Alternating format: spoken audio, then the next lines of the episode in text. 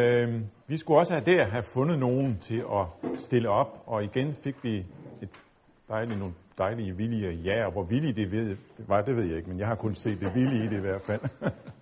og øh, det er jeg i hvert fald øh, meget taknemmelig for. Den første, som skal være på i dag, det er Henning Thomsen, Henning Kjær Thomsen, øh, som er rektor for pastoralseminaret her i Aarhus, og også noget på landsplan har jeg efterhånden set i en eller anden notits et eller andet sted, ja, for efteruddannelsen i det hele taget, eller hvordan? Ja. Øh, Henning, Kjær, Henning Thomsen har været ansat på Aarhus Universitet i en årrække fra 88 til 84 til 88 var det, og øh, har været på studieophold i Tyskland inden da, Tübingen og Bern, og var så også undervisningsassistent i Bern i en årrække fra 88 til 82, og ekstern lektor herovre på universitetet fra 92, 88-92, og så ekstern lektor fra 92, og så blev du ordineret i 95, og præst i Aalborg, og derefter fra 99 var det vist 98 rektor. Sådan har jeg læst det ud af bogen. Ja. Og bagefter, så kan jeg lige så godt introducere med det samme, øh, skal vi så høre Peter Søs, en lidt yngre årgang, øh, færdig i 2000, præst på Amager, efter at have været i Tem en stykke tid. Øh, Peter øh, har gået en hel del her på stedet, må man jo sige, øh, og var, har været brugt som underviser her på stedet, og er stadigvæk underviser i forskellige sammenhænge. Det har været nogle nytestamentlige fag også, men jeg kender dig som en rigtig god systematiker og dogmatiker, så det var meget naturligt også at spørge dig om at træde op her. Jeg ved godt, at du, du har læst Brandt, og ikke nødvendigvis altid ukritisk over for ham alligevel i nær forbindelse. Jeg spurgte Henning Thomsen, fordi også han er en, der virkelig er optaget af, hvad teologi er i dag, og jeg opfatter ham måske som noget mere Brandt kritisk, han måske i virkeligheden Nu får vi se, hvor uenige de er, og hvordan positionerne bliver. Må vi se, det kan blive en overraskelse. I hvert fald så bliver det sådan, at nu kommer der to oplæg på en halv time cirka hver, har jeg snakket om. Derefter får de mulighed for lige at give hinanden replikker, og derefter så det kan, skal det være os, der skal være på banen øh, og snakke om det her emne. Vi giver ordet først til Henning Thomsen, og der er lagt nogle handouts ud, som folk lige skal have med. Øh, tak for indbydelsen til at komme. Det har jeg glædet mig til. Både fordi, at det handler om printer, og fordi emnet for min del, og altså Peters og min del, synes jeg er klart og vedkommende formuleret. Og formmæssigt så er der så forudskikket et oplæg og derefter debat, og jeg håber, at det lykkes mig at formulere de spørgsmål, jeg har og er bestilt til, som relevante spørgsmål inde fra det mesterværk, vi er samlet om at fejre, og ikke som udefra kommende utidige bemærkninger. Det har i alle tilfælde været hensigten, men nu må vi se, hvordan det går. For selvom jeg ikke er gået op til eksamen efter skabelse og genløsning, eller har skrevet specialer om spiritus creator, så er jeg nemlig vokset op med stor respekt for såvel Regin Pranters navn som bøger. Han og Johannes Munk var min fars lærer, og er derfor formidlet med kærlighed. Uden at mit ophav dog af den grund skal drages til ansvar for mit udbytte. I mit eget arbejde som underviser i homilitik, så har jeg en videre erfaret, hvor god en baggrundsbog for prædiken og dens problemer netop skabelse og genløsning er. Og den anbefales ofte på pastoralseminariet i Aarhus. Den er god for eksempel til perspektiver, som her i anden halvdel af kirkeåret, Trinitatis-tiden, hvor på enten er Jesu myndighed. Jesu myndighed, der ikke lader noget hjørne af tilværelsen urørt eller uberørt, men i praksis gør sig gældende over for liv og død, sabbat og hverdag, lov og lære. og derfor også kræver, som vi hørte, at den tilsvarende tro på sig, at den i praksis er altomfattende. Vi skal ikke andet end tro, har jeg ofte læst i de afleverede prædikner fra studenterne. Men den formulering er ikke dækkende. Det ved vi nu. For troen implicerer altid alt det andet. Ja, en tro, der ikke giver sig udslag i levet liv, i handling, i praksis, hører vi i Trinitatis-tiden, er ikke nogen tro. For en mand bedømmes ikke på, hvad han siger eller tænker, men på, hvad han faktisk gør. Det viser nemlig, hvad han i virkeligheden tænker. Fire mænd hejser en lam ned gennem et hul i taget, og den næste sætning lyder, da Jesus så deres tro 19. søndag efter Trinitatis. En ud af ti spedalske kommer tilbage til Jesus for at takke ham, at han er blevet ren. Han kaster sig ned, og Jesus siger, din tro har frelst dig. 14. søndag efter Trinitatis. Og det samme får kvinden med blødninger at vide, fordi hun rører ved hans kappe. 24. søndag efter Trinitatis. Hele tiden igen og igen, handlingerne, gerningerne er uomgængelige.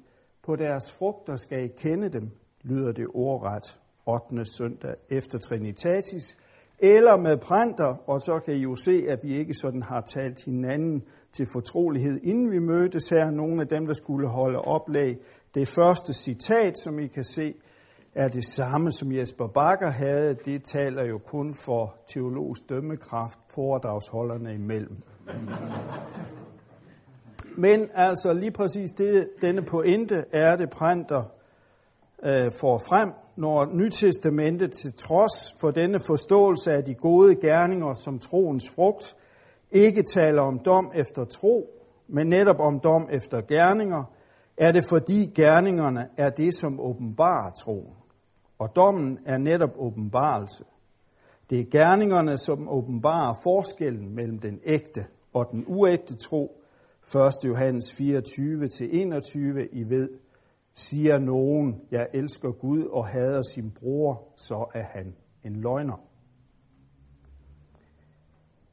Hvad der på denne måde altså gælder enkeltperspektivet, gælder nu også prædiken tilgangen som helhed. Også den profiterer uomgængeligt af, at menigheden sættes ind i frelseshistorien, ind i frelseshistorien som Israels sande aftager.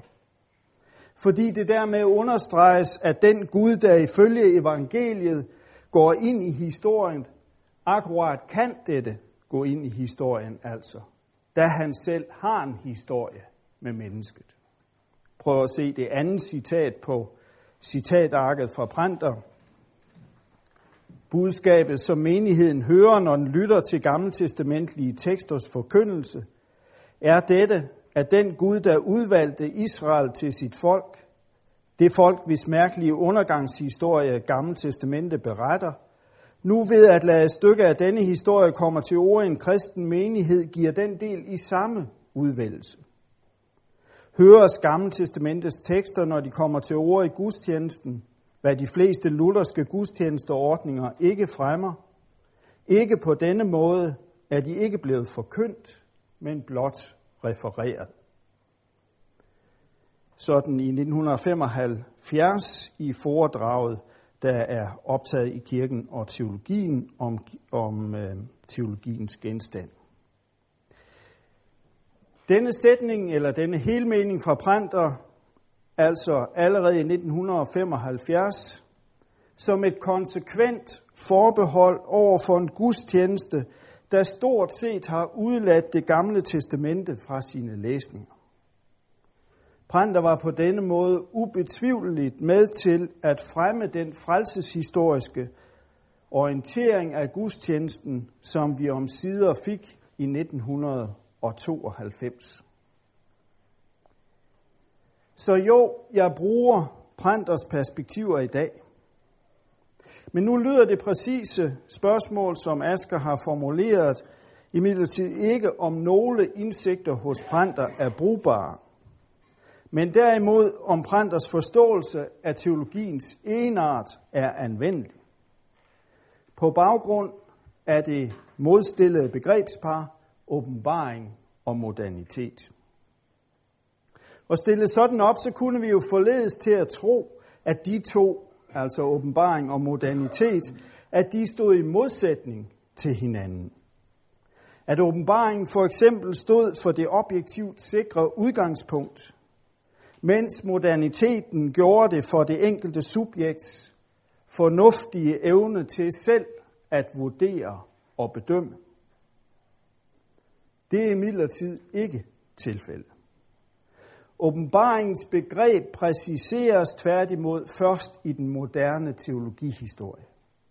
Det må man mærke sig. Det vil altså helt kort sige, det præciseres først dette begreb i den teologi, der må forholde sig til en metafysik-kritisk videnskab. Eller slet og ret, og sagt på en tredje måde, til religionskritikken som konsistent teori, og derfor også som et grundlag for en videnskabsrutine. Og se nærmere udfoldelse af disse overskrifter, det har jeg jo ikke tid til i dag. Interesserede, som synes, at der er behov for at få dem støvet af disse begreber, kan du hente god hjælp i det helt fortrindelige fjerde kapitel i Asger Højlunds bog fra dette år. Men det der pointen er, at åbenbaringens begreb først bestemmes i egentlig forstand i den specifikt moderne redegørelse for det bibelske budskab. Naturligvis kunne man jo sige, for det er først her, at Guds selvmeddelelse, Guds åbenbaring, hans handlen i historien tænkes systematisk sammen med historiens kontingens. Og det er det, Pranter har for øje. Prøv at se citat nummer 3 på arket. Pranters udtrykker det sådan. Åbenbaringens historie er altså ikke en anden slags historie end den synlige menneskeslægts historie. Heller ikke selvom der berettes om under i den. For underne indgår i det almindelige hændelsesforløb og bliver dermed tvetydige. Bevise noget kan de ikke, kun bevidne. Og den, der ikke tager imod deres vidnesbyrd, kan altid finde en naturlig forklaring på den. Åbenbaringens historie er som historie af samme art som al anden historie. Dens karakter af åbenbaring ligger deri, at den i sin almindelige jordiske synlighed er mediet for en usynlig frelsende handling, øvet af den usynlige Gud i blandt og imod synlige mennesker, således i skabelse og genløsning, side 46.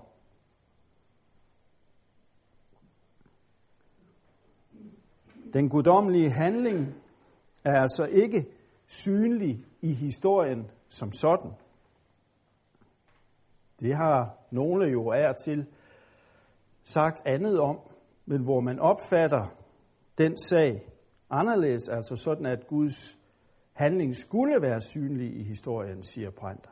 Der begår man den fejltagelse, at man gør akkurat historien til åbenbaring.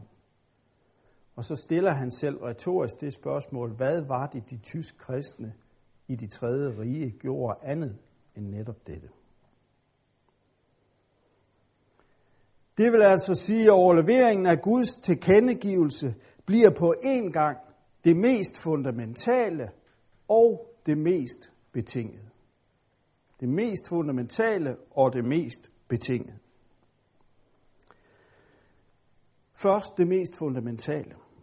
Denne historie, Guds historie fra skabelsen til det endelige opgør, er det mest fundamentale.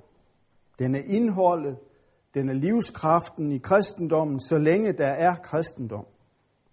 Og den drager hele vores kendte virkelighed med ind i sig, som vi hørte det fra prædiketeksterne. Og dermed også os. Den leverer med andre ord en total tydning af den menneskelige tilværelse – giver os en erfaring med vores erfaringer, som en anden af mine lærere, Eberhard Jøngel, ville have sagt. Det det var det fundamentale. Det ligger i, at den giver os en total tydning, giver os mulighed for en erfaring med vores erfaringer. På den anden side, og så kommer vi til det betingede, kan der heller ikke siges mere. En åbenbaring kan jo af gode grunde ikke begrundes, for i åbenbaring får vi det at vide, vi ikke kan sige os selv. Intet er derfor så let, som akkurat i næste øjeblik at gøre den guddommelige historie til en absurditet, at nøjes med den naturlige forklaring, som Printer siger. Når teologien påberåber sig åbenbaringen, sker det altså ikke for at erstatte argumentation med absolut forsikring. Men derimod for at lade den historie, der går forud for alt, indtage sin plads. Og på den måde tjener teologien Bibelens iboende autoritet og lader Gud føre sit ord. Åbenbaringshistorien lader altså Gud træde frem, men læg mærke til, uden at Guds utilnærmelighed antastes. Ingen har pointeret denne konklusion kraftigere end netop Printer. I sin åbenbaring, siger Printer, skjuler Gud sig ikke og fortsætter. For der var hans åbenbaring ingen åbenbaring. Men den Gud, der åbenbarer sig, forbliver også, når han åbenbarer sig Gud. Det vil sige, han skjuler sig samtidig med, at han åbenbarer sig. Citat slut. Citatet hentet fra det berømte foredrag Luther som teolog, her trykt i Præsteforeningens blad 1980, nummer 10, side 166. Og det er klart, at dette hos Printer har brød ikke mindst på den tidlige dialektiske teologi.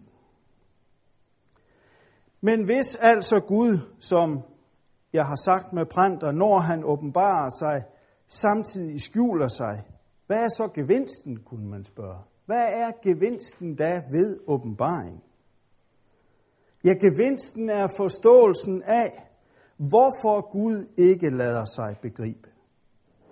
Forståelsen af, at det ganske enkelt er for at inddrage mennesket i sin historie. For at vi kan forstå os selv på en ny måde. Nemlig gennem forståelsen af, at Gud kun vil være vores Gud, når vi vælger ham frem for alt andet, der ikke er Gud.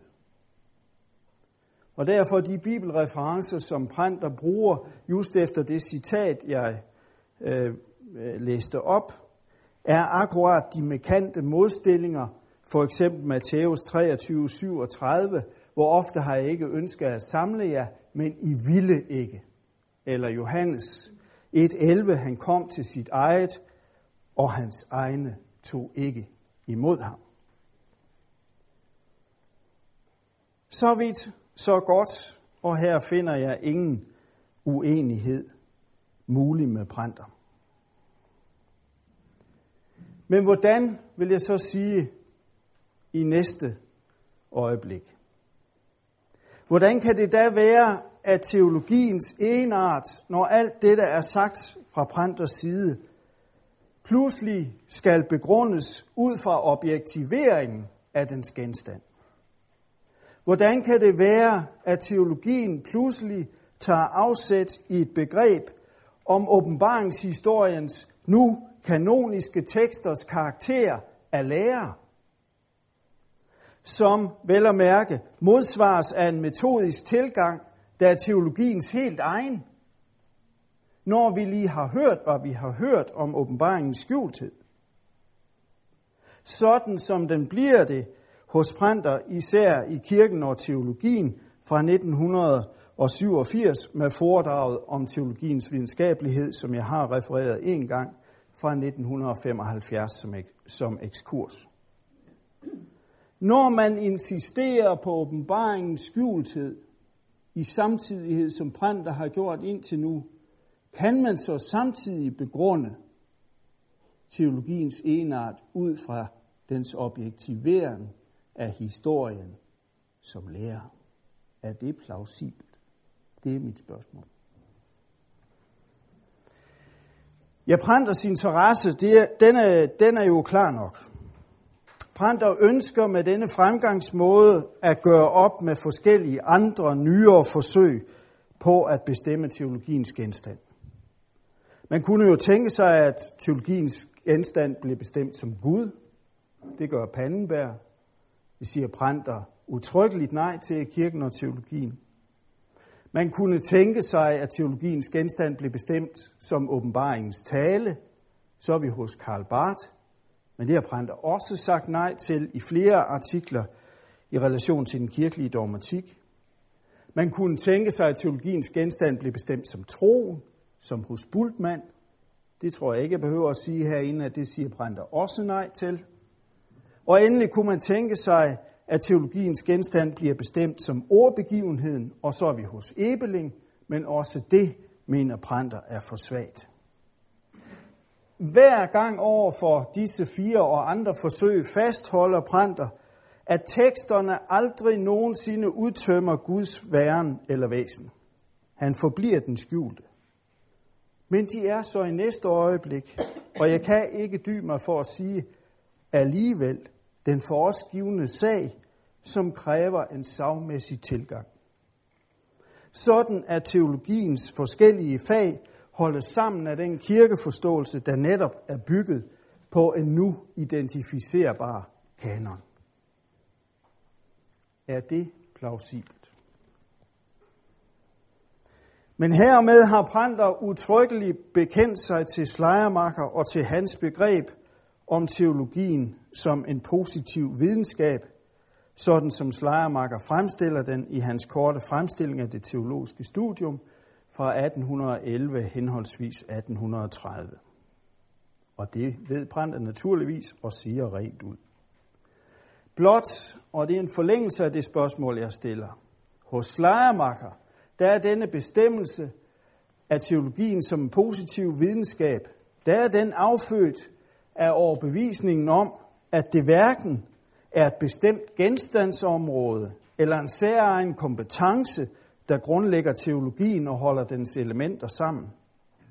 Forspørger Slejermacher, hvad har teologien, som den ikke har fået givet?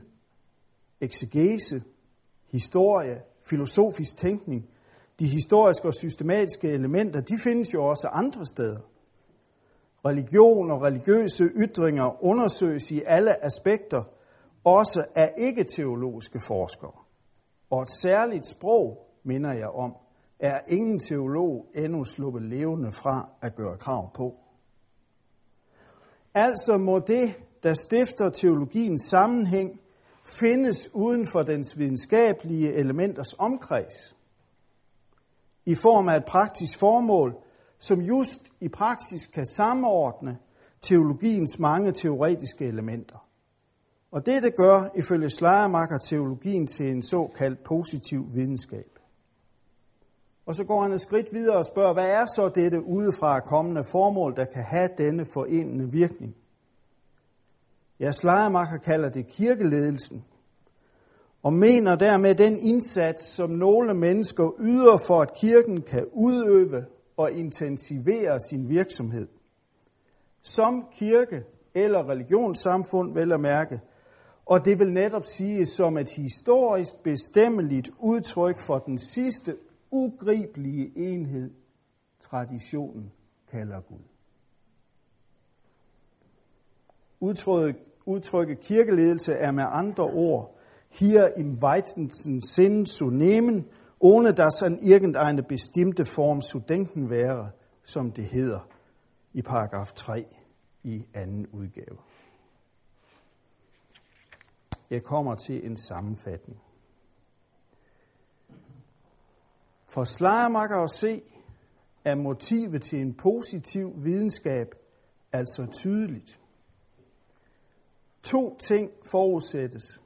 For det første, at der findes en kristen gudstyrkelse med alle dens former.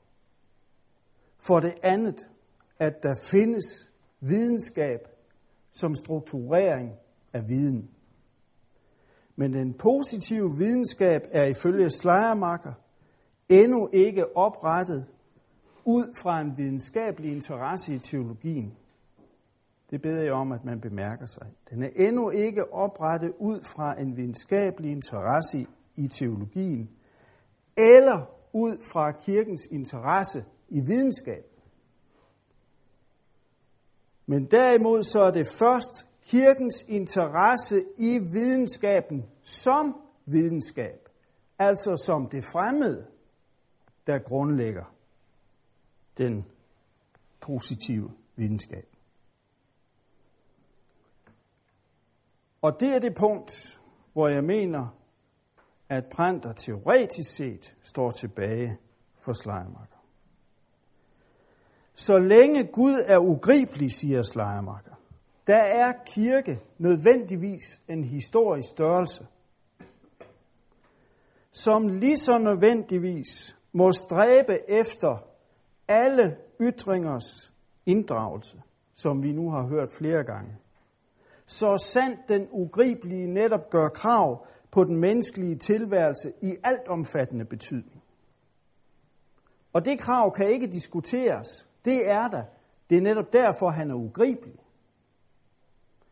Denne teori om det religiøse livs nødvendigt historiske karakter er begrundelsen for Schleiermachers krav om, at kirken må indarbejde den videnskabelige bevidstgørelse af den i sin egen videre udfoldelse. Det er altså Schleiermacher, der yder en teoretisk begrundelse for, for det første, det religiøse samfunds selvstændighed, for det andet, dette samfunds sammenhæng med det historiske liv, og for det tredje, de altomfattende implikationer af denne gudstyrkelse. Og det er denne teoris fundament, Printer ikke ønsker at abonnere på. Selvom hans ærne er, og det er det, der undrer mig, og altid har tiltrukket mig hos Pranters teologi, selvom hans ærne er at værne om netop den historiske kristendom. I stedet ønsker Pranter alene at gøre brug af overbygningen, det vi i Jylland kalder tagkonstruktionen, inden murene er muret. Men kan man det? Henholdsvis gør det ikke referencerne til den historiske kanon underligt lukkede om sig selv. Som I kan høre, så er disse spørgsmål retoriske. Jeg nærer i midlertid en dyb overbevisning om, at nogen nok skal tage dem op og formulere dem, så når jeg hører dem igen. De er retoriske, fordi de ærger mig. Jeg deler virkelig Pranters ønske om ikke at løsrive teologien fra den gudstjenestlige virkelighed, men ønsker en endnu større sammenhæng mellem gudstjeneste og kultur og historie i øvrigt. Men kan det ikke kun lade sig gøre, hvis man indrømmer, at man må begrunde teologiens interesse i videnskaben som videnskab, som det fremmede. Det var vist nogenlunde en halv time.